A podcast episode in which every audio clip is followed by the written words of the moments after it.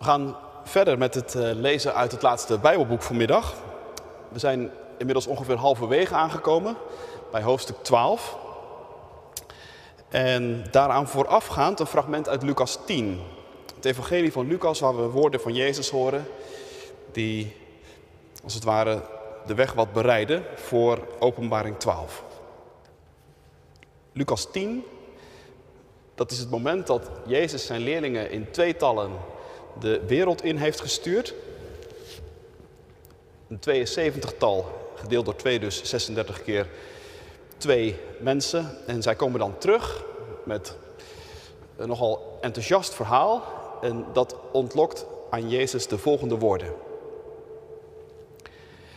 De 72 keerden vol vreugde terug en zeiden: Heer, zelfs de demonen onderwerpen zich aan ons bij het horen van uw naam. Jezus zei tegen hen: Ik heb Satan als een lichtflits uit de hemel zien vallen. Bedenk wel, ik heb jullie de macht gegeven om slangen en schorpioenen te vertrappen en om de kracht van de vijand te breken, zodat jullie niets kan schaden. Verheug je er echter niet over dat de geesten zich aan jullie onderwerpen, maar verheug je omdat jullie naam in de hemel opgetekend is. Tot zover de eerste lezing. Vervolgen we in Openbaring 12. Er verscheen in de hemel een indrukwekkend teken. Een vrouw bekleed met de zon, met de maan onder haar voeten en een krans van twaalf sterren op haar hoofd. Ze was zwanger en schreeuwde het uit in haar weeën en haar barensnood.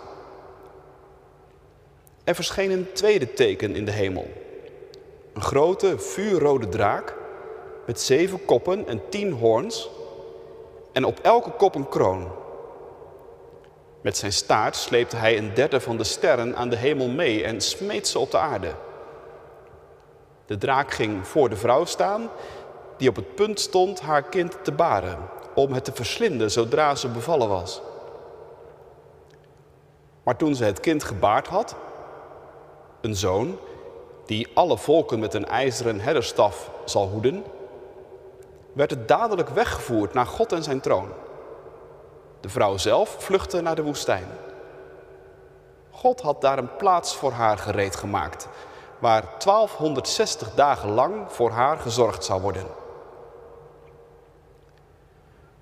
Toen brak er een oorlog uit in de hemel. Michael en zijn engelen bonden de strijd aan met de draak. De draak en zijn engelen boden tegenstand, maar werden verslagen. Sindsdien is er voor hen in de hemel geen plaats meer. De grote draak werd op de aarde gegooid. Hij is de slang van weleer, die duivel of Satan wordt genoemd en die de hele wereld misleidt. Samen met zijn engelen werd hij op de aarde gegooid. En toen hoorde ik een luide stem in de hemel zeggen: Nu zijn de redding, de macht en het koningschap van onze God werkelijkheid geworden. En de heerschappij van zijn Messias. Want de aanklager van onze broeders en zusters, die hen dag en nacht bij onze God aanklaagde, is ten val gebracht. Zij hebben hem dankzij het bloed van het lam en dankzij hun getuigenis overwonnen. Ze waren niet aan het leven gehecht en hebben hun dood aanvaard. Daarom, juich hemel en allen die daar wonen, maar wee de aarde en de zee. De duivel is naar jullie afgedaald. Hij is woedend, want hij weet dat hij geen tijd te verliezen heeft. Toen de draak zag dat hij op de aarde gegooid was, vervolgde hij de vrouw die een zoon gebaard had. Maar de vrouw kreeg de twee vleugels van de grote adelaar om naar haar plaats in de woestijn te vliegen, waar gedurende een tijd en twee tijden en een halve tijd voor haar gezorgd zou worden, buiten het bereik van de slang. Toen spuwde de slang een stroom water als een rivier achter de vrouw aan om haar daarin mee te sleuren. Maar de aarde schoot haar te hulp. De aarde sperde haar mond open en dronk de rivier op die de draak had uitgespuwd. De draak was woedend op de vrouw en ging weg om strijd te leveren met de rest van haar nageslacht. Met allen die zich aan Gods geboden houden en bij het getuigenis van Jezus blijven. En hij ging op het strand bij de zee staan. Tot zover de lezing. Dit is vanmiddag het woord van God voor jou, voor u, voor mij. Gelukkig zijn we als we het woord van God horen, dat bewaren in ons hart en daar ons vertrouwen op stellen. Halleluja. Amen. Gemeente van Christus, het is 15 augustus 2021. In het kleine Franse dorpskerkje van Le Vernet, hoog in de Alpen, is het een drukte van belang. Het kerkje zit ondanks corona stampend vol en iedereen is op zijn paasbest gekleed. Het harmonium dat normaal gesproken de samenzang begeleidt, krijgt op deze feestelijke dag support van de plaatselijke fanfare. En alles wijst erop dat dit een heel belangrijke dag is. Als het tijd is voor de schriftlezing, gaat de Bijbel open bij Openbaring 12. En de stem van de pastoor klinkt door het kerkje. En zodra de draak zag dat hij op de aarde was neergeworpen, ging hij de vrouw vervolgen die het kind had gebaard. En aan de vrouw werden twee vleugels gegeven van een grote arend, opdat zij naar de woestijn zou vliegen, naar haar plaats, waar ze gevoed wordt. Een tijd, twee tijden en een halve tijd. Buiten het gezicht van de slang. De mensen in de kerk, ze begrijpen meteen over wie het gaat. Want die vrouw, dat is natuurlijk Maria. En waarom dit gelezen wordt, dat is omdat het vandaag haar feest is, 15 augustus. Maria Hemelvaart.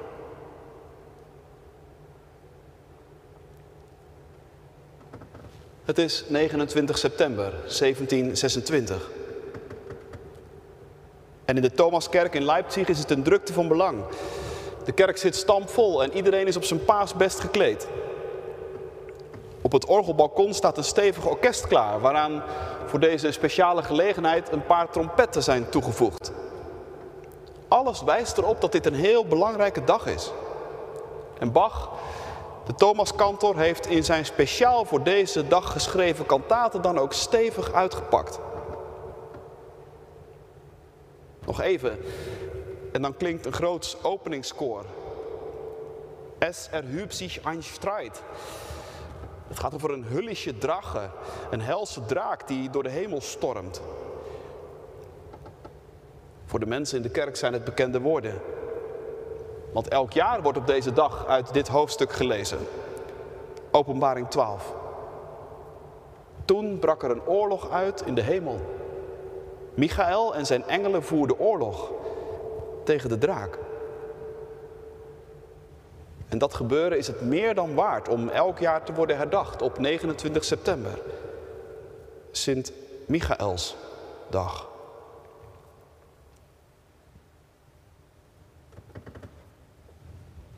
Het is 15 augustus of 29 september in een willekeurige protestantse kerk in Utrecht in een willekeurig jaar. Kerk zit gemiddeld vol. Iedereen is gekleed zoals gewoonlijk. Er zit een organist klaar of er speelt een bandje. Er is een voorganger en de Bijbel gaat open op een willekeurige plek. Er gebeuren mooie en goede dingen in de dienst, zoals gelukkig bijna elke zondag. En de meeste mensen gaan gesticht naar huis. Maar niets wijst erop dat er iets speciaals gaande was. En als je aan de mensen zou vragen, wat staat er eigenlijk in Openbaring 12? Dan zouden de meesten het antwoord schuldig blijven.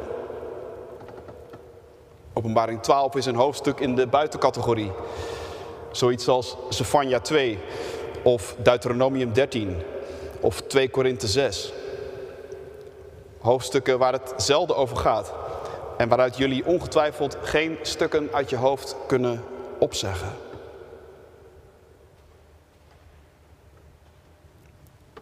Fascinerend eigenlijk, vind je niet? Dat verschillende kerkelijke tradities zo kunnen verschillen in het toekennen van gewicht aan bepaalde Bijbelgedeelten. Openbaring 12 is in onze traditie geen belangrijk hoofdstuk. Bij Maria Hemelvaart fronsen we onze wenkbrauwen. En ook al vond Luther het Sint-Michaelsfeest een heel belangrijke feestdag, de reformatie in ons land is hem niet gevolgd op dit punt. Daarom moeten we vanmiddag toch eens goed naar dit hoofdstuk kijken. Want zou het kunnen dat wij iets over het hoofd hebben gezien?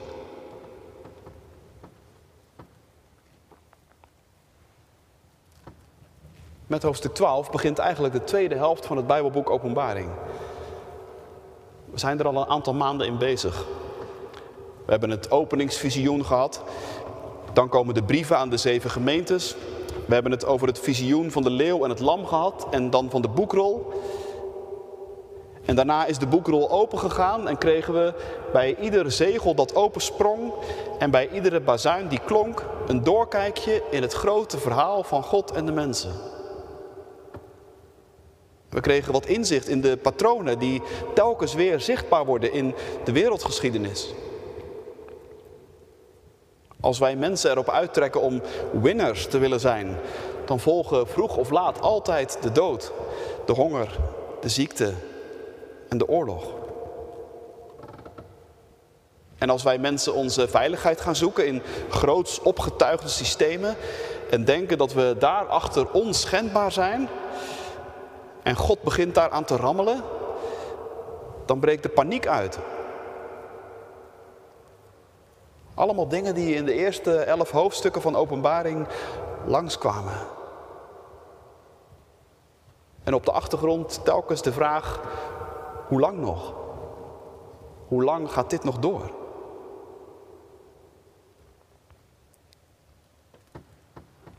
Vanaf hoofdstuk 12 worden ineens andere kanten belicht. Met ook andere en nieuwe beelden erbij. Een vrouw, een draak, en een kind verschijnen in dit hoofdstuk op het toneel. En misschien merkt je het al bij het lezen. Het hoofdstuk is eigenlijk een drieluik. Op de hoekdelen gaat het over de vrouw en de draak en het kind. En in het middenstuk gaat het over de draak en zijn tegenstander, Michael. Michael, de aartsengel, die met de oude draak de strijd aanbindt en hem voor eens en voor goed de hemel uitsabelt. Heftige beelden opnieuw. En ook nu vragen ze weer om wat inkleuring. Want wie is die vrouw precies? En wie is de draak? En wat moet je denken van het kind?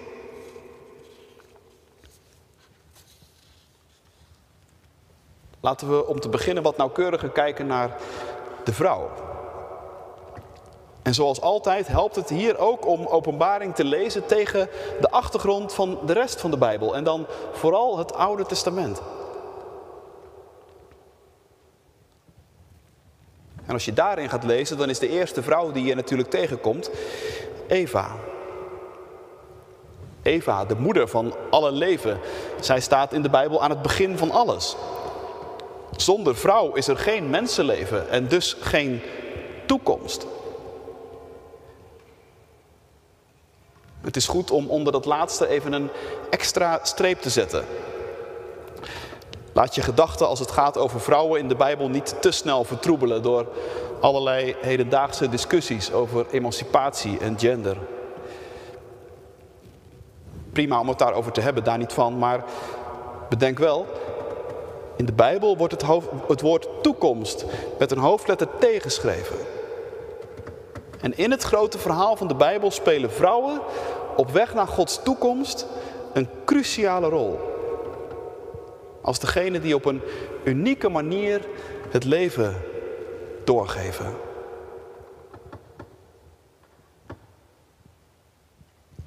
Behalve aan Eva moet je bij de vrouw ook denken aan Israël. Israël als volk. Door het hele Oude Testament heen is de vrouw voortdurend een symbool ook voor Israël. Jullie maker is je man, zegt de profeet Jezaja bijvoorbeeld. En in de profeet Hosea lees je dat God zegt: Ik neem jullie tot mij als mijn bruid. En de relatie tussen God en zijn volk wordt dan ook vaak gezien als een, als een huwelijk. Ingewikkeld huwelijk, dat zeker. Maar in als een ingewikkeldheid een huwelijk dat niet stuk kan. Omdat God trouw blijft. Dwars door alles heen.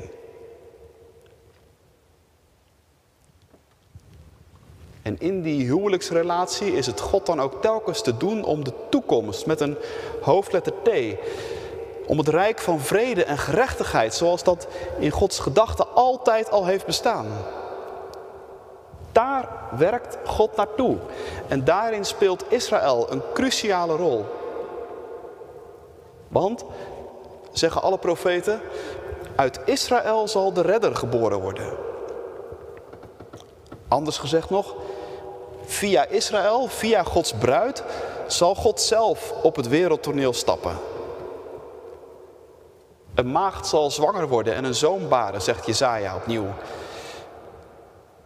En een stukje verderop, een kind is ons geboren, een zoon is ons gegeven en de heerschappij die rust op zijn schouders.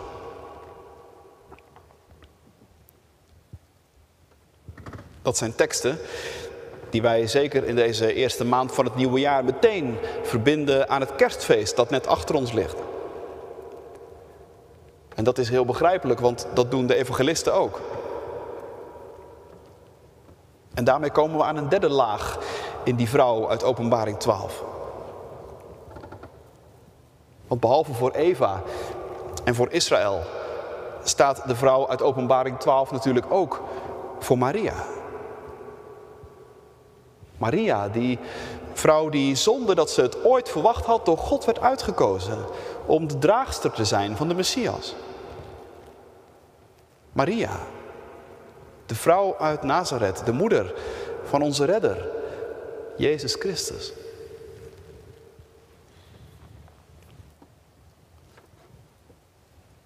En het is dan ook niet voor niks dat het precies dat moment is in Openbaring 12 dat meteen de aandacht trekt. De vrouw die een kind ter wereld brengt. Een jongen. En wat voor jongen? Een veelbelovend kind is het. En Johannes, hij haalt Psalm 2 aan om ons de goede richting op te laten kijken. Want het kind dat deze vrouw ter wereld brengt is niet zomaar een kind. Nee, het is het kind dat koning zal zijn over alle volken.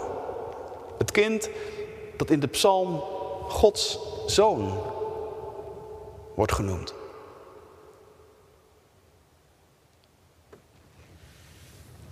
Maar met dat het over het kind gaat in dit hoofdstuk, gaat het in één adem ook over de draak. Johannes ziet in zijn visioen dat het kind niet zomaar een neutrale wereld binnenstapt, om het even zo te zeggen. Nee, nog voordat de vrouw het kind ter wereld brengt, heeft de draak zich ook al gemeld. En uitdagend staat hij voor haar, klaar om het kind te verslinden.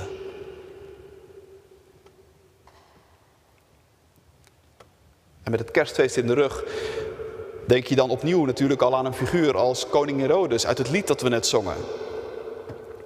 Iemand die in blinde paniek om zich heen begint te slaan als hij hoort over een geboren koning der Joden.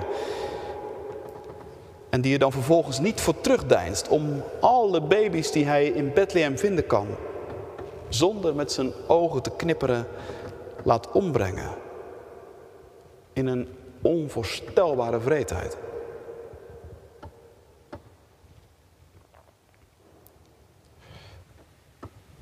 Maar net zoals de vrouw verschillende lagen heeft, heeft de draak ook verschillende lagen. Je moet niet alleen maar aan Herodes denken. De draak die Johannes ziet heeft maar liefst zeven koppen en tien horens. En daarmee lijkt hij op de draak die Daniel ooit zag in zijn visioen, eeuwen terug. Niet zomaar één kop dus en één hoorn.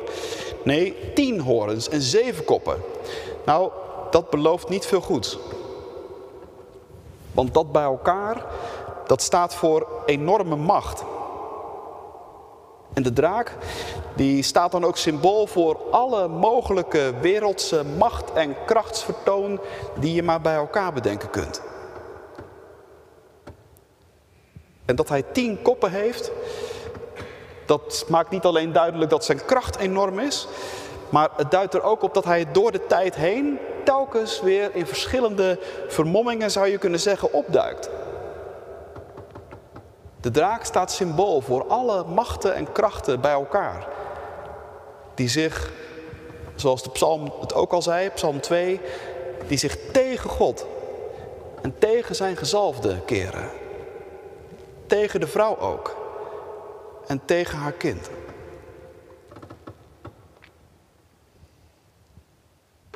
Behalve aan Herodes kun je bij de draak dus ook denken aan de volken die het Israël en de Messias van Israël in haar lange geschiedenis zo vaak ongelooflijk moeilijk hebben gemaakt. Egypte, Assyrië, Babel, lang geleden. De pogroms in Oost-Europa en het naziregime in de 19e en de 20e eeuw. Telkens weer staan er machten op die zich tegen het leven en tegen de toekomst van God en dus ook tegen zijn volk en tegen de Messias keren. En nog altijd zijn er regimes die de vernietiging van Israël hoog op hun verlanglijstje hebben staan.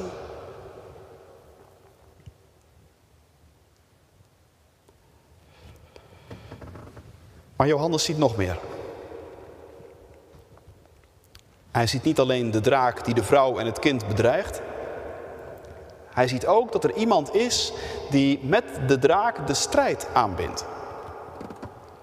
De engel Michael. De engel Gabriel, die kennen we uit het kerstevangelie. Maar voor Michael moet je ook opnieuw weer terug naar het boek Daniel. Daar valt zijn naam ook een paar keer. En daar wordt hij naar voren geschoven en beschreven als degene die een bijzondere verantwoordelijkheid heeft voor de bescherming van Israël, het volk van God. En deze Michael bindt de strijd aan met de draak, staat er. En die strijd, die draait erop uit dat er in de hemelse regionen voor de draak geen plaats meer is. Hij wordt voor eens en voor goed verbannen uit de nabijheid van God.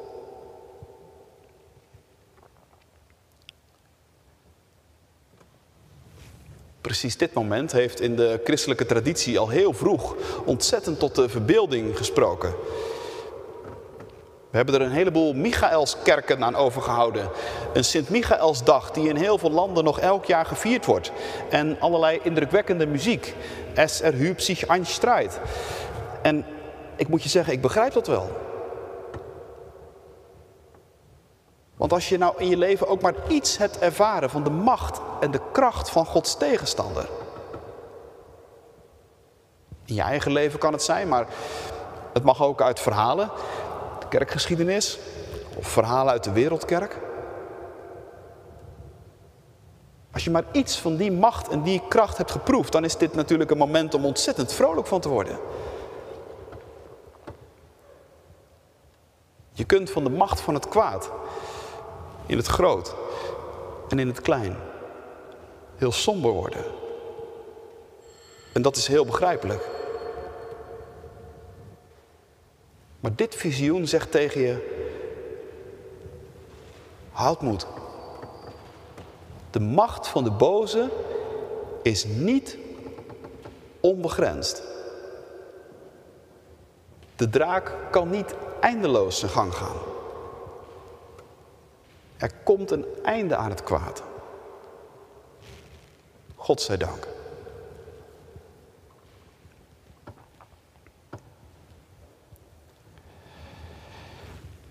Maar behalve een hoop verbeeldingskracht roept dit gebeuren natuurlijk ook nog wel een aantal vragen op.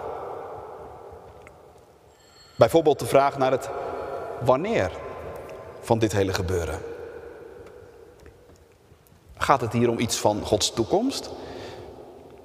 Of is er een moment waarop je moet zeggen, toen en toen is dit ongeveer gebeurd?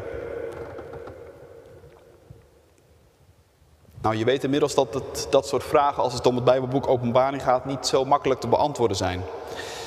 Maar hier lijkt het toch wel om een heel specifiek gebeuren te gaan.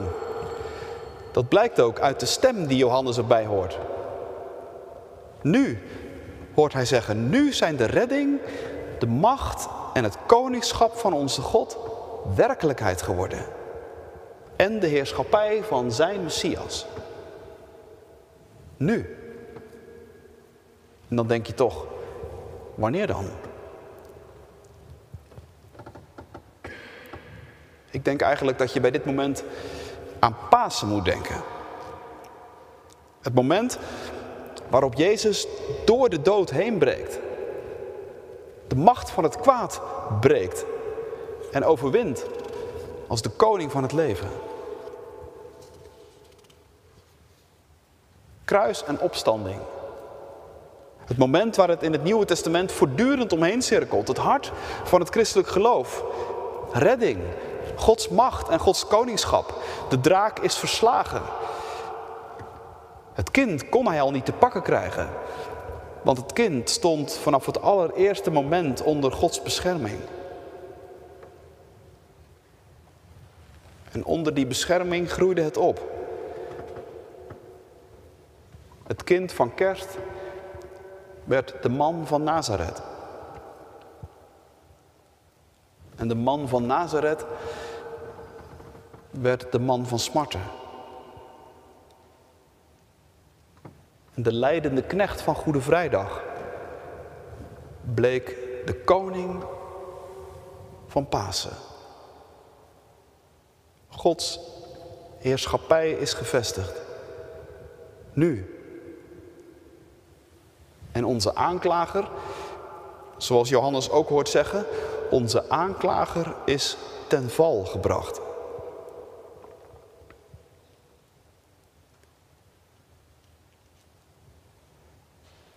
Dat laatste doet me denken aan Maarten Luther. De reformator die de dingen zo plastisch en zo treffend kan zeggen. Hij schrijft ergens, met de duivel heb ik geen geduld meer. Als de duivel bij mij aan de deur klopt en vraagt wie hier woont, dan vraag ik of Jezus even open wil doen. En dat doet hij dan maar al te graag. En dan antwoordt Jezus, ben je op zoek naar Maarten Luther? Die heeft hier ooit wel gewoond, maar die heeft zijn huis aan mij overgedaan. Je zult het dus met mij moeten doen. Wat kan ik voor je betekenen? Maar als de duivel dan ziet wie er voor hem staat, schrijft Luther, dan slaat de schrik hem natuurlijk om het hart. En dan weet hij niet hoe snel hij zijn biezen moet pakken. Je kunt er natuurlijk een beetje om grinniken, om zulke beeldtaal. Maar Luther wist waar hij het over had. Luther wist wat het was om door de Satan aangevallen te worden.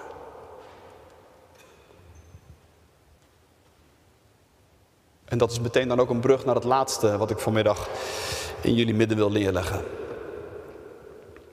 Want de draak mag dan door Michael verbannen zijn uit die hemelse gewesten, volgens het visioen. En Gods koningschap mag dan werkelijkheid geworden zijn met Pasen. Maar helemaal weg is de boze nog niet. Eenmaal op de aarde gegooid, ziet Johannes dat hij de vrouw achterna gaat. Maar ook de vrouw krijgt hij niet in zijn greep. Ze wordt in veiligheid gebracht in de woestijn. En daar staat er, wordt voor haar gezorgd. Buiten het bereik van de slang.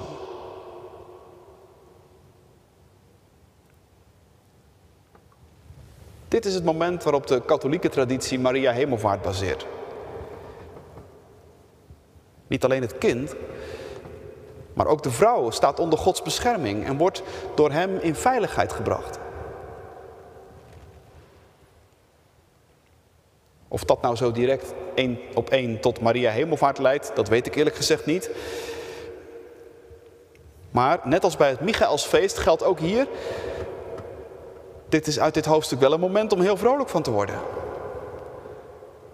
Want dit visioen vertelt ons dat ook de vrouw niet door de draak gegrepen kan worden. En dat dus de voortgang van Gods toekomst, de weg van het leven, via Eva en via Israël en via Maria, dat die weg door Hemzelf wordt verzekerd, door de Heere God zelf wordt bewaard. En dat mag de kerk toch gerust vieren, zou ik zeggen.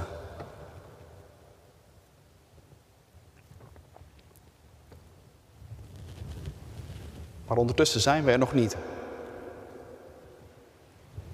De grote toekomst die Johannes hier als het ware al wat voor ogen geschilderd ziet, die is nog niet in zijn volle glorie doorgebroken. De draak, die de vrouw niet pakken kan, richt zich dan maar op de rest van haar nakomelingen, staat aan het eind van het hoofdstuk. En dat zijn, zegt het visioen, dat zijn zij die zich aan Gods geboden houden en die bij het getuigenis van Jezus blijven.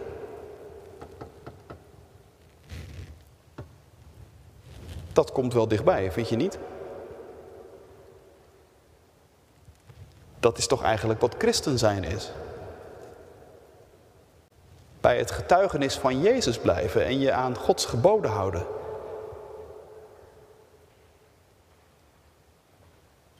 Christen zijn en kerk zijn. Je houden aan het getuigenis van Jezus. Dat is dus niet zonder risico's, zegt dit visioen. En wij weten dat. Uit verhalen, uit de geschiedenis, uit de getuigenissen van de wereldkerk. En misschien ook wel uit ons eigen leven.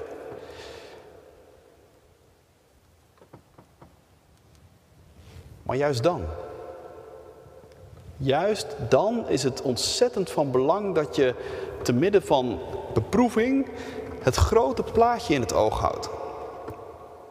En daar helpt Openbaring 12 nou geweldig bij.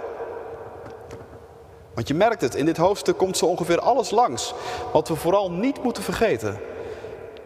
En dat allemaal in één groot plaatje. In één groot visioen.